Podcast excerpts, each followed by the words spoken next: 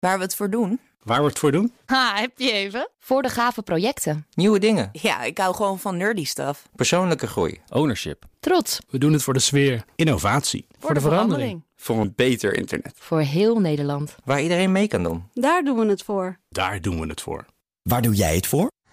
Kom werken voor KPN en groei op jouw manier. Check de actuele vacatures op het gebied van data, security, development en networking op jobs.kpn.com/tech.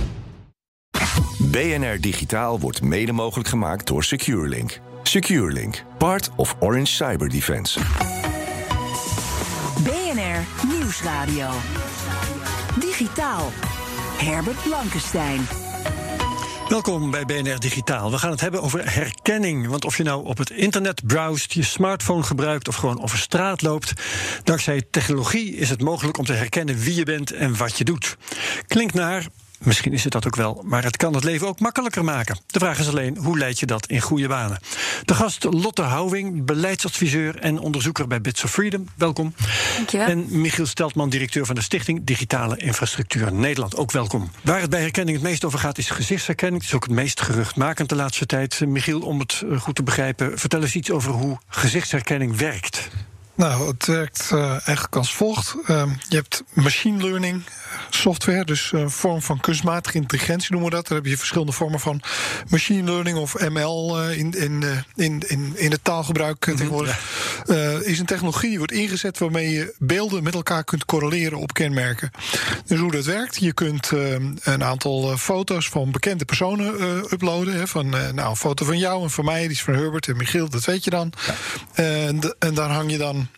tegenover aan de andere kant, uh, daar kun je een, database mee trainen. En dan ja. uh, wat er dan gebeurt is uit die verzameling foto's, dan als je een nieuwe foto aanbiedt, dan zegt het algoritme, uh, die nieuwe foto die lijkt het meest op een van die bestaande foto's. Die geeft een correlatiefactor, die geeft dan een waarde. Ja. Bijvoorbeeld 70 of 80 of 90 procent match. Dus als je daar bijvoorbeeld een videocamera aanhangt, en die videocamera is die gezicht, en dat gezicht gaat de, die software vergelijken met die hele gecodificeerde database van al die gezichten. Dan zegt hij, nou, uh, de meest waarschijnlijke match is uh, die met de foto van Herbert. Ja. En, dan, uh, en dan kan je vervolgens kan je met dat besluit kan je dingen gaan doen. En wat je nou zegt, dat zegt mij dat een systeem alleen maar iemand kan herkennen die al in zijn database zit. Dat klopt, precies. Ja, dat is belangrijk. Um, die herkenning, met welke foutmarge kan dat tegenwoordig? Enig idee? Nou, die is behoorlijk goed geworden. Die software ja. wordt steeds beter. En je kunt de software ook trainen. He, want hoe meer ja. foto's je erin hebt, hoe groter uh, die database wordt, hoe beter je die ook kunt comprimeren, kunt compressen. En dat kan tegenwoordig. Je kunt enorme grote bestanden uh, kleiner maken. Zo uh, coderen, codificeren dat je enorme aantallen foto's in die database hebt. Hoe meer erin zit, hoe groter, hoe betrouwbaarder die, die correlatie wordt. Hoe beter die uit, die, uit die, die een, een ja. aantal matches gaat vinden. Ja, enige idee wat, wat de fout, foutkansen zijn? Op de kans op een vals positief, zoals het tegenwoordig heet? Nou, wat ik al zeg, die wordt steeds kleiner naarmate ja. je de database meer. Klein dus, als je dus wil, je kleiner maken als je wilt, precies. Ja. En dat geldt dan ook, want jouw verhaal gaat niet specifiek over uh, over visuele informatie eigenlijk. Uh, maar dat geldt dus eigenlijk ook voor een vingerafdruk bijvoorbeeld. Exact, het gaat over het matchen van, van be bekende met niet bekende patronen. patronen. Ja, ja, ja.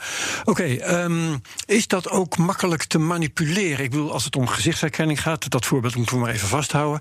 Uh, dan kan ik een pet opzetten, ik kan een zonnebril opzetten. Ik heb het maar even niet over bivakmutsen, want dat valt te veel op. Maar een pet en een zonnebril gaat nog wel. ik kan mijn baard laten groeien of juist afscheren. Um, kun je die technologie daarmee foppen? Ja, die kun je buitengewoon eenvoudig zelfs uh, foppen. Um, uh, Michel van Eten, professor TU Delft, heeft een aantal uh, daarover gepubliceerd een aantal experimenten.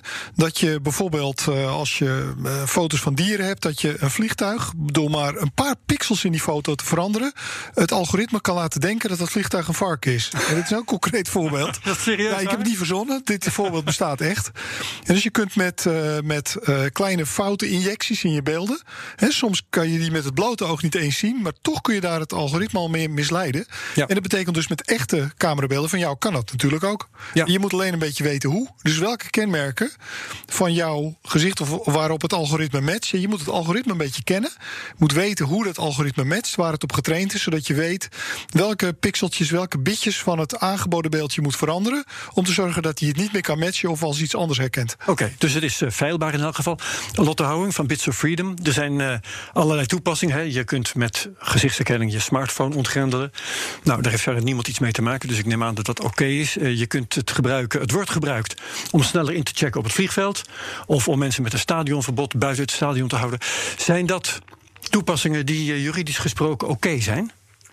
Um, nou ja, het verschilt dus heel erg per toepassing hoe het uh, juridisch gesteld is. Ja. Um, een belangrijk ding om altijd in de gaten te houden is dat het proportioneel moet zijn. Uh, wat eigenlijk wil zeggen dat we niet. Um, hoe zeg je dat? Met een kanon op een mug moeten gaan schieten. Ja.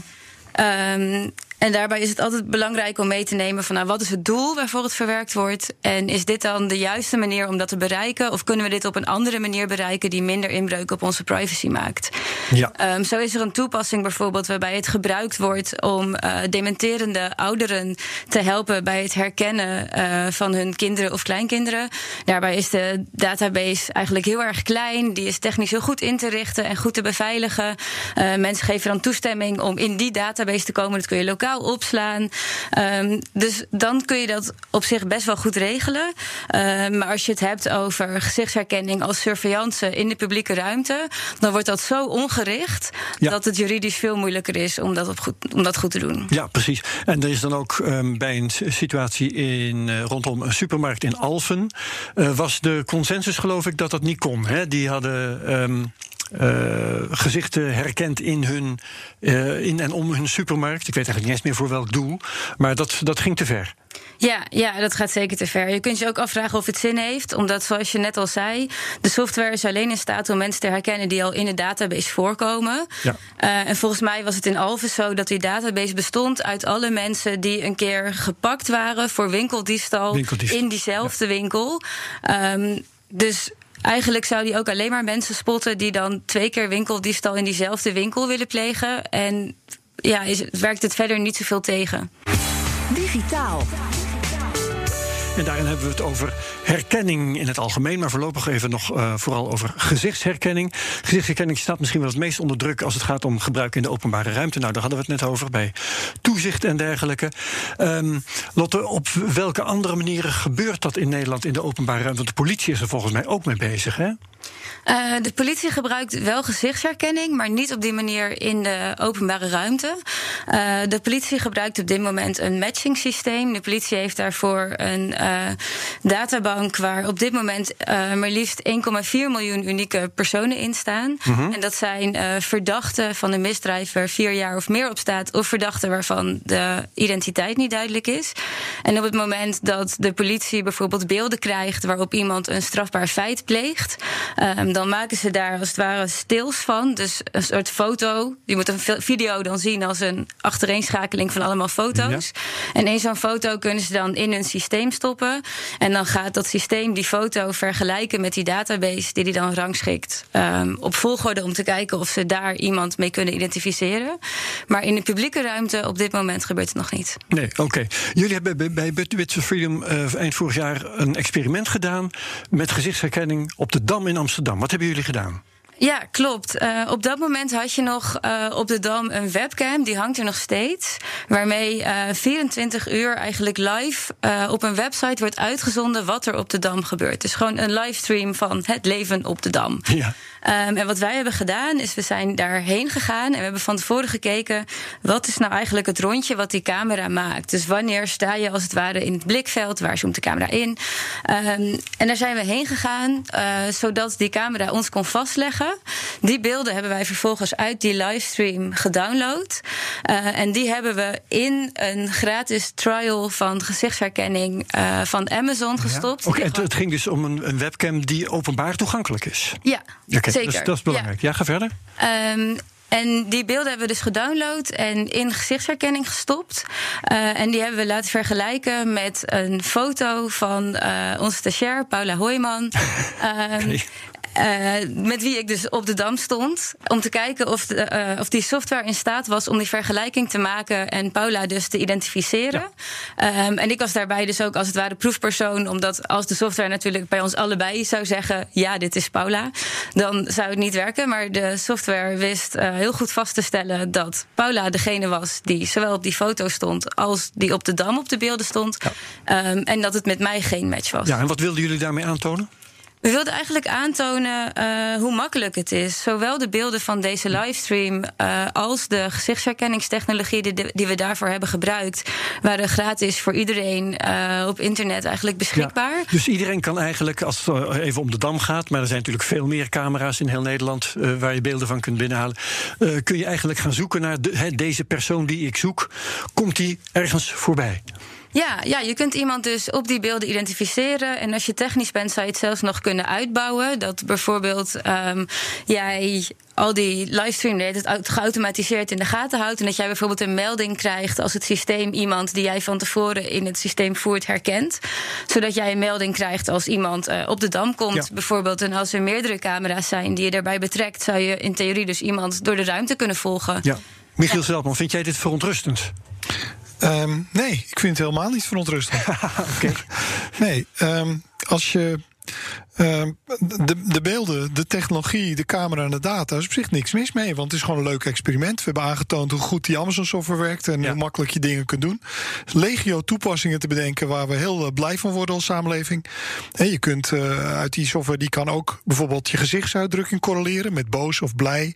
Of zo, dat kan ook. Ja. Hè? Dat ik, ik kan bij wijze van spreken een allemaal. persoon die ik wil volgen, kan ik op deze manier door half Nederland zo'n beetje volgen. Kijk, met maar dan gegeven komen het aantal dan camera's. Komen we op de stap. De, de, de middel en het doel rule de middel uh, en de data die vergaart en de middel, de camera die je inzet.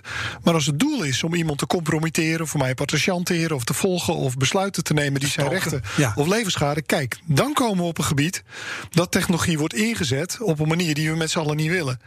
En ik vind dat onderscheid zo belangrijk, want nu uh, lijkt het alsof het om die camera gaat. Weet je wel, ja, die camera is de boosdoener. En uh, kijk eens hoe slecht Amazon is, wat je er allemaal. Hoe, dan moeten, dan moeten hè. Het is een beetje, misschien als ik een heel controversieel onderwerp erbij pak. Uh, Amerika, guns kill people, uh, don't kill pe people, kill people. Hè? Mhm, Mm -hmm, ja, kijk, ja. bij wapentuigen wat bedoeld is om evidente schade, ja, uh, wekt dat verbazing. Natuurlijk re reguleren we dat heel streng. En natuurlijk leggen, leggen we dat aan zware banden. Maar technologie die niet primair bedoeld is om onze rechten of om ons leven te schaden, ja, die zeggen we dat moet je inzetten voor de good. Hè? Daar worden we als samenleving beter van. Maar daar moeten we wel kijken naar het concrete gedrag. Wat gaan we doen met die beelden en die data? En mag dat en mag dat ja. niet? En hoe gaan we dat tegenhouden? Want daar zit natuurlijk het risico. Dus Lotte, wat, wat vinden jullie bij Bits of Freedom dan het probleem? Dat die camera's er zijn bijvoorbeeld? Of wat Michiel zegt, uh, een paar stappen verderop, wat je er eigenlijk precies mee gaat doen? Dat daar het uh, verschil in zit. Nou, eigenlijk zagen we verschillende problemen hier. Uh, we hebben een probleem met die camera, omdat het, het doel van het filmen eigenlijk helemaal niet duidelijk is. En daar echt heel ver inzoomde. Dus je kon echt, als ik op de Dam lunch had besteld, dan kon je zien wat ik het liefst op mijn brood had. En dat is gewoon niet nodig. Je hoeft niet um, zulke gedetailleerde beelden van de Dam uit te zenden, zodat mensen echt identificeerbaar in beeld zijn. Dus dat was een probleem. Een ander probleem is dat het zo makkelijk uh, beschikbaar was, deze software. En dat mensen daar dus dit soort tools mee zouden kunnen bouwen.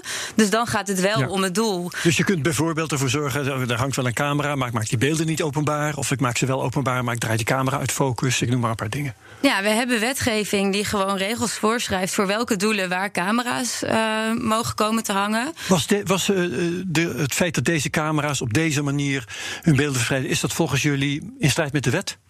Ja, wel in elk geval als hij zo duidelijk inzoomt dat mensen echt identificeerbaar in beeld zijn. Dan heb je het over persoonsgegevens en we hebben privacywetgeving ja. die gewoon stelt dat er bepaalde gronden zijn waarop je die mag verwerken. En dit diende eigenlijk niet een doel wat in die gronden terugkomt. Dus dit kan eigenlijk gewoon niet. Ja, de uh, Europese Unie heeft een uh, verbod overwogen op inzet van gezichtsherkenning in de openbare ruimte. Daar heeft hij uiteindelijk van afgezien. moet zo'n verbod er volgens jou komen? Nou, ik denk, uh, als je kijkt naar de regelgeving nu, dan is er nog wel in Nederland de situatie zo dat er geen ruimte gelaten zou worden voor gezichtsherkenning als surveillance in de publieke ruimte. Maar ik denk ook dat als je kijkt naar hoe snel de technologie overal een beetje oppopt, dat het wel heel erg zou helpen dat daar meer duidelijkheid over komt. Uh, omdat we zeker heel blij mogen zijn met regelgeving die ons beschermt. Maar we zien ook dat de handhaving enigszins achterblijft en dat er ja. toch veel discussie is. Dus blijkbaar is het niet helemaal duidelijk. En vanuit dat perspectief denk ik wel dat het heel erg helpt als er of vanuit de wetgever of vanuit een andere autoriteit het standpunt wordt ingenomen van nou, dit kan gewoon niet, hier trekken we een grens. En ben jij het daarmee eens, Michiel? Nou, niet helemaal. Ik ben uh, iets, uh, iets minder voorzichtig. Uh, het is, ik vind het ontzettend belangrijk dat machine learning, AI en deze technologie, technologieën veel ruimte krijgen voor innovatieve en belangrijke toepassingen. He, bijvoorbeeld het correleren van je gezichtsuitdrukking kan je inzetten om te kijken, nou, er kijken nu wel heel veel mensen boos of angstig. misschien is het verstandig om even twee, drie agenten naar de dam te sturen. Dat heeft niets met jou of mij te maken, maar alles met wat er in die publieke ruimte gebeurt. Daar moet het gezicht wel goed herkenbaar voor zijn. en we moeten er ook op vertrouwen dat op het moment dat je dingen gaat verzamelen die niet mogen, dat je je netjes aan de wet houdt. Want dat doen we allemaal. Herbert Blankenstein. In BNR Digitaal hebben we het over herkenning. Gezichtsherkenning staat ter discussie. Verschillende Amerikaanse steden, universiteiten, festivals zien ervan af. In Nederland was het huis te klein toen die supermarkt in Alfred bleek toe te passen. Nou is het zo dat onlangs in de New York Times cryptograaf Bruce Schneier een opiniestuk schreef waarin hij eigenlijk zegt dat het qua wet en regelgeving niet één technologie is waar je op moet gaan zitten letten, maar herkenning in het algemeen, in de breedste zin van het woord. Je apparaat kan worden herkend, je browser, je klikgedrag, je typstijl, ga zo maar door. Um, Lotte, vind jij ook dat het daarom gaat om herkenning in het algemeen? Nou, wat je denk ik ziet, is dat er op heel veel verschillende manieren enorme hoeveelheden data van mensen wordt verzameld. Hm? Daar worden profielen van gemaakt. Uh, en vervolgens is het dus mogelijk als jij uh, door de publieke ruimte loopt, dat er op wat voor manier dan ook een kenmerk van jou uit wordt gepakt, uh, waarop jij gescand kunt worden, eigenlijk als een soort barcode. Ja. En dat kan dan worden gelinkt aan het profiel wat is opgebouwd uit die data die over jou is verzameld. En ik denk dat het daar inderdaad dat dat gewoon problematisch is en dat dus jij dat zegt inderdaad, het gaat niet speciaal om die visuele informatie, maar het kan ook gaan om nou ja, het MAC-adres van je smartphone of uh, ja, dat het de hartslag, principe, zei je in het voorgesprek hier eerder in het. Uh, ja, dat het mijn gebouw. gezicht is dat wordt gescand, of dat het uh, mijn hartslag zou zijn, of dat het uh, mijn motoriek zou zijn. Dat is niet wat het voor mij problematisch maakt. Het problematische is uh, de, de drift om maar zoveel mogelijk data te verzamelen, om daar een profiel van te maken, om vervolgens mensen te reduceren tot barcodes, om ze aan die profielen te kunnen linken en op basis daarvan nou, dat daar bepaalde gevolgen aan worden verbonden. Ja. Michiel, um, als, wat zeg jij als die gezichtsherkenning, stel dat die op een of andere manier moeilijker gemaakt zou worden, ligt er dan, wat is dan de meest voor de hand liggende alternatieve techniek om te gebruiken? Nou, er zijn natuurlijk allerlei andere mogelijkheden om jou te volgen. Misschien aan je gedrag, aan je loopje, aan je houding, aan je lengte. Uh, uh, uit uh, de geolocatieroute die je hebt gekozen, je MAC-adres, je mobiele telefoon. Er zijn legio andere databronnen. Sommige direct publiek toegankelijk, andere misschien via een omweggetje. Waardoor er een patroon kan worden gemaakt wat, wat gelinkt is aan jou, aan je gedrag. En pas daarna, en dat zegt ook Bruce ook, pas daarna gaat het mis als iemand er iets mee gaat doen wat niet mag. En dan zeg je dus eigenlijk weer. Daar ligt de grens. Die, die gegevens op zichzelf zijn niet het probleem, maar wat je ermee doet. Precies, hè, dat het kan wil nog niet zeggen dat het niet moet kunnen, omdat het niet mag. Hè. Eh, wat niet mag, komt daarna. We zijn met z'n allen ons netjes gewend aan de wet te houden. En als we dat niet doen, dan hebben we toezichthouders of misschien andere drempels voor handhaving die we daar kunnen introduceren. En, en bedoel je dat de wet dat onderscheid ook te weinig maakt? De wet maakt dat onderscheid inderdaad helemaal niet. De AVG is een heel grof middel, waarbij soorten van verwerkingen geen, eigenlijk geen onderscheid wordt gemaakt. Het is alles of niks. Als je toestemming geeft of verwerkingsgrond heeft voor verwerking, mag je verwerken. Je moet ja. wel even opsommen wat het is. Maar de wet zegt niet, ja, deze verwerking, ja, dat schaadt jouw rechten, maar die verwerking niet. Ja, klopt dat, Lotte Houwing van Bits of Freedom, dat de wetgever hier even um, ja, niet goed heeft opgelet, niet uh, ver genoeg is doorgegaan? Nou, ik denk dat er wel degelijk wat onderscheiden worden gemaakt. Um, zo is er bijvoorbeeld een ander regime voor bijzondere persoonsgegevens, waar biometrische persoonsgegevens onder vallen. En dan moet je ook bijvoorbeeld denken aan je hartslag, maar ook je gezicht. Um, daarvan heeft de wetgever bepaald van nou, dit is zulke gevoelige informatie. Zo persoonlijk. Ja, zo persoonlijk. En je kunt er ook geen afstand van doen. Um, in principe denk ik dat ja. we echt moeten oppassen met alle technologieën waarop je mensen kunt identificeren, volgen en analyseren in de publieke ruimte. Maar er is nog wel een verschil tussen um, dingen, analyses op bijvoorbeeld je toestel die je bij je hebt, of je gezicht. Want je kunt je gezicht gewoon echt niet thuis laten. Je kunt een ander toestel nemen, je kunt een ander accountnaam nemen, een ander wachtwoord, dat kan allemaal. Maar je gezicht of je vingerafdruk bijvoorbeeld. Ja, dus in principe veranderen. denk ik dat we um, het identificeren, volgen en analyseren van mensen in de publieke ruimte sowieso moeten aanpakken.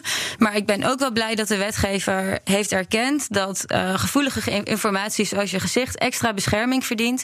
En dus ook in privacywetgeving heeft geregeld dat dat in principe verboden is. Ja, uh, ik zoek het meer in, op het inzoomen op het type van verwerkingen. We snappen allemaal dat sommige verwerkingen risico's, concrete risico's opleveren voor je rechten of voor je gezondheid en voor je levensfeer.